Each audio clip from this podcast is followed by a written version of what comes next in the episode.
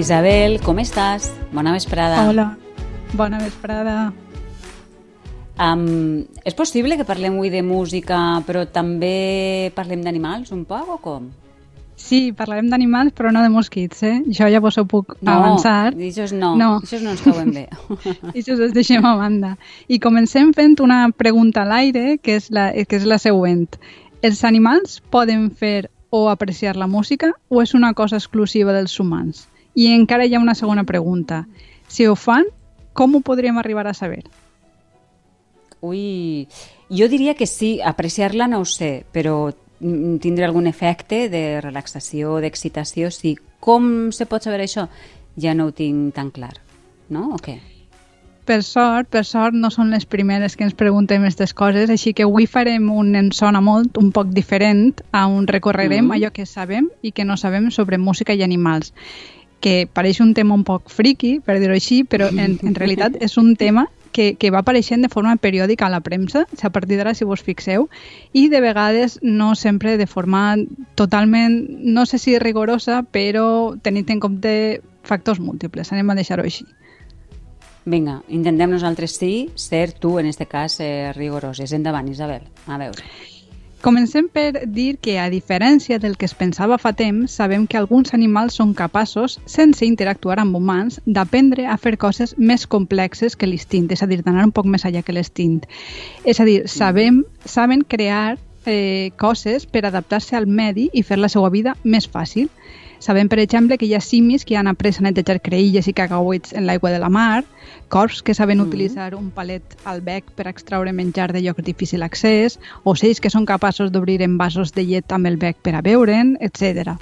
És a dir, que igual que els humans, els animals poden arribar a tindre certa cultura, és a dir, poden aprendre per ells mateixos a fer coses que van més enllà del seu instint per a millorar la seva qualitat de vida, per dir-ho així.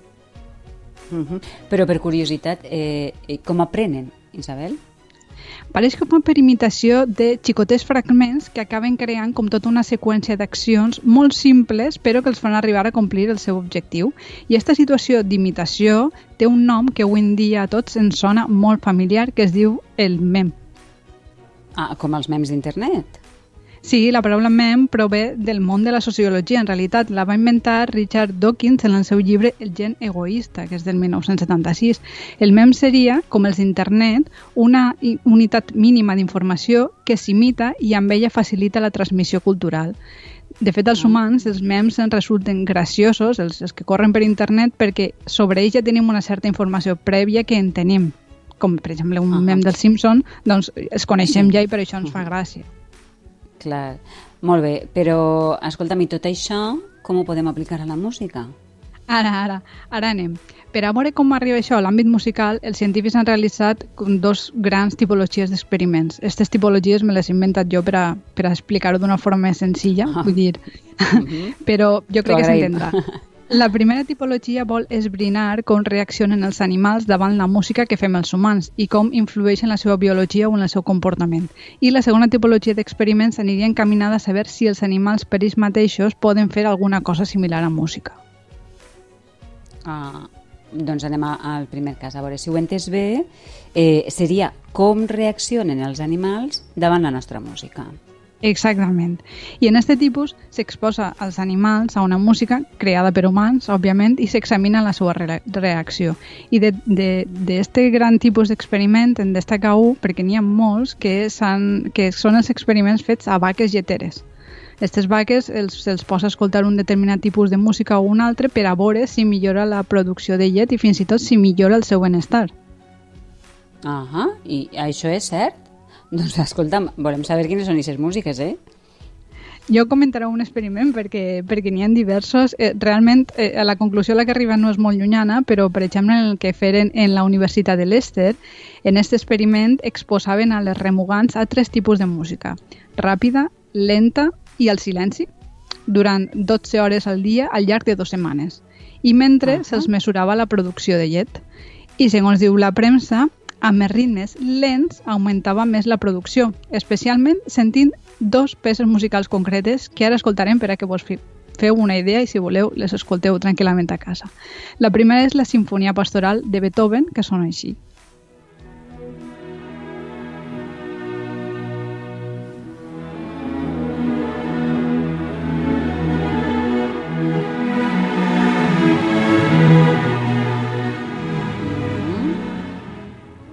Està tranquil·la, no sé amb això que farien, però bé, anem a pams. I la segona música? La segona és encara més curiosa i és esta que ara sentirem.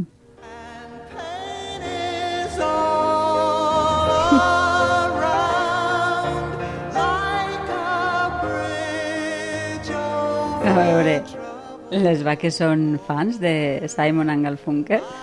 No sé, es veu que este és d'aquest experiment en concret, sí. El que passa és que sospitosament a les vaques sempre els agrada més la música en anglès que en altres llengües eh, i la música clàssica, però bé, això ja, ja forma part d'un altre, altre tipus d'anàlisi. Ah, però, a veure, eh, com sabem que tot això és cert? Vull dir, hi ha una part que sona una miqueta còmica, no? O, difícil de creure. Sí, en, en realitat, en, en estos estudis hi ha un gran marge d'error perquè hi ha molts elements que no poden controlar. L'augment de llet és d'un 3%, que jo no entenc de, de producció lletera i no puc valorar si és molt o poc, però mm. eh, es, es continuen fent. I si vols més experiments curiosos, encara hi han, perquè hi ha un altre estudi que intenta demostrar que els peixos són capaços de distingir entre la música de Bach i la música de Stravinsky. Atenció, eh? que això no és una cosa... Que, els peixos? Que és, els peixos, els peixos. La recerca està en concret ah, està, publicada, sí. està publicada per una revista científica que ho he comprovat i consistia a entrenar unes horades pel que vaig entendre jo, si se les entrena, les orades sí que són capaces de distingir entre una peça de Bach i d'una de Stravinsky, però amb instrumentacions diferents. D'acord? En el moment els poses... O sigui, la instrumentació era una era amb orgue i l'altra era amb, or or amb orquestra. En el moment es mm. poses la mateixa instrumentació o peces noves de Stravinsky i de Bach ja es perden les orades, pobres. Mm, escolta'm, sí que és curiós.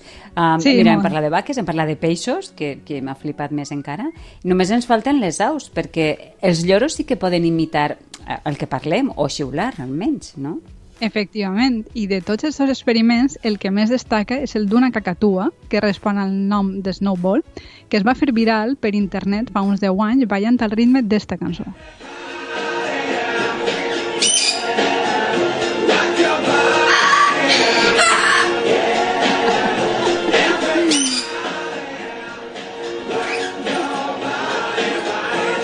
Això, això que, que sentiu de fons és, és la cacatua damunt de la cançó dels sí. Backstreet Boys que sí, sí. en, en el vídeo es veu una cacatua que es mou al ritme de la música, movent el tronc i el cap cap avant, que té mm. aquesta espècie d'una cresta, i alça les potes rítmicament. Com el vídeo es feu viral, els científics decidiren fer-li experiments i, eh, segons els autors d'aquests experiments científics, que la cacatua sigui capaç de respondre rítmicament a la música amb el cos, sense entrenament previ ni presència de la seva propietària que li diga coses, voldria dir que ballar ja no és una cosa exclusivament dels humans. Per tant, estaríem davant mm. de la primera espècie no humana que hem detectat que pot seguir el ritme d'una melodia, fins i tot si s'accelera o s'alenteix. Caram! És realment curiós. Però Isabel, abans ens havies comentat eh, que també existia la possibilitat que els animals no només reaccionaren davant la nostra música, sinó que foren ells capaços de fer-ne, no? Sí, és la, és la segona tipologia d'experiments que, que vos comentava abans, aquells que intenten esbrinar si els animals poden fer música per ells mateixos. I què en sabem, aleshores? Per ara, sabem que els animals emeten sons, que això ho sabem tots, i que sovint els mm. empren per a comunicar-se amb altres membres de la seva espècie. Però no tots els sons que emeten són iguals, i hi ha casos que arriben a ser verdaderament complexos amb sons que tenen diferents funcions. Que hagem esbrinat, els sons que emeten els animals complirien tres funcions així generals, a grans trets. Anunciar un perill, marcar un territori o atraure una parella. A partir d'ací hi ha alguns animals que sabem, i potser n'hi ha altres que no sabem, que emeten sons amb encara més particularitats. Mm, doncs vegem alguns exemples, si et sembla. Si tornem a les aus, les que canten, que s'anomenen passeriformes, Segurament és un dels casos més complexos, ja ho hem vist, amb la cacatua, ja que sabem que són capaços d'imitar sons humans o melodies, com els estornells. D'altres utilitzen el camp per a marcar territori o seduir a les, a les parelles, que seria el cas de la merla de les roges. I s'ha demostrat que els mascles que no aprenen a cantar perquè no han sentit a altres eh, de la seva espècie fer-ho, tenen més dificultats per a marcar territori i, per tant, per a reproduir-se. Mm -hmm. Tenen casos de comunicació sonora en espècies que no siguen aus? Sí, n'explica dos casos cridaners. El primer és el de les anomenades mones verdes de l'Àfrica meridional, que tenen una habilitat totalment extraordinària.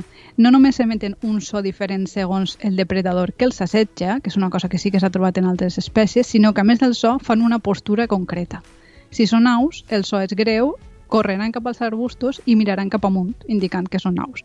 En canvi, si són serps, faran una freqüència aguda, es, es, es pararan amb dos potes i miraran avall. Així avisen a la resta de membres de, del perill que hi ha sonorament, però a més, de quin és el perill exactament. Mm -hmm.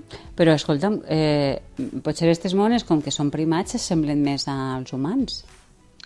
Doncs, curiosament, els primats hominoides, és a dir, els que no tenen cua i pareix que són els antecedents dels humans, o sigui, els goriles, mm. els orangutans, etc., sí. no se'ls coneix activitat vocal d'aquest tipus. De fet, els mamífers que fan sorolls més semblants als humans serien estos que sentirem a continuació.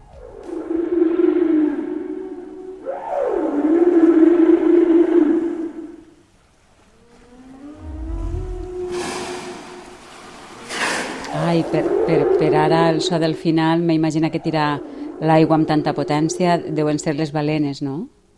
Efectivament, són balenes que durant l'època d'aparellament els mascles emeten sons per atraure a les femelles i ho fan competint amb altres mascles. Cada cançó, podríem dir, de les que fan, estaria composta com per una sèrie de temes musicals que cada animal alterna de manera diferent. Tots els membres d'una mateixa població de balenes comparteixen aquestes mateixes cançons, aquests temes, que van canviant al llarg de l'estació d'aparellament, no són sempre iguals, i es transformen fins a arribar com a altres temes nous, com a cançons noves, que substitueixen a les antigues. Serien un poc els nostres èxits, que els, els nous substitueixen a, a, als antics. I això està uh -huh. comprovat perquè balenes de diferents oceans canten diferents temes però també hem demostrat que si tenen algun tipus de contacte, unes balenes poden aprendre les cançons d'altres grups de balenes. Uau! Uh -huh. Aleshores, per a concloure, Isabel, podríem dir que alguns animals sí que fan una espècie de música. Això és, és, és un terme un poc eh, delicat perquè tot i que hi ha característiques similars, hi ha molts aspectes que encara no podem explicar, tot i que ens agradaria, mm. però encara no hem arribat. Per ara, tots els que emeten sons, encara que siguin complexos com els que ens hem explicat avui, pareix que, complex, que compleixen una funció biològica, no ritual. Ja. Així que per ara, l'únic cas que sabem que, que va un poc més enllà i que el que les músiques que fan, els moviments que fan davant un so no són diguem per instint és el cas de Snowball i d'altres cacatues. Així que per ara és un tema que queda, queda obert per a més recerques. Doncs vinga, la investigació de moment està apropament al món de la música i els animals ens ha semblat, com sempre, d'allò més interessant. Isabel, gràcies, que acabes de passar gràcies una bona setmana. Gràcies a vosaltres. Igual. Adéu. Adéu.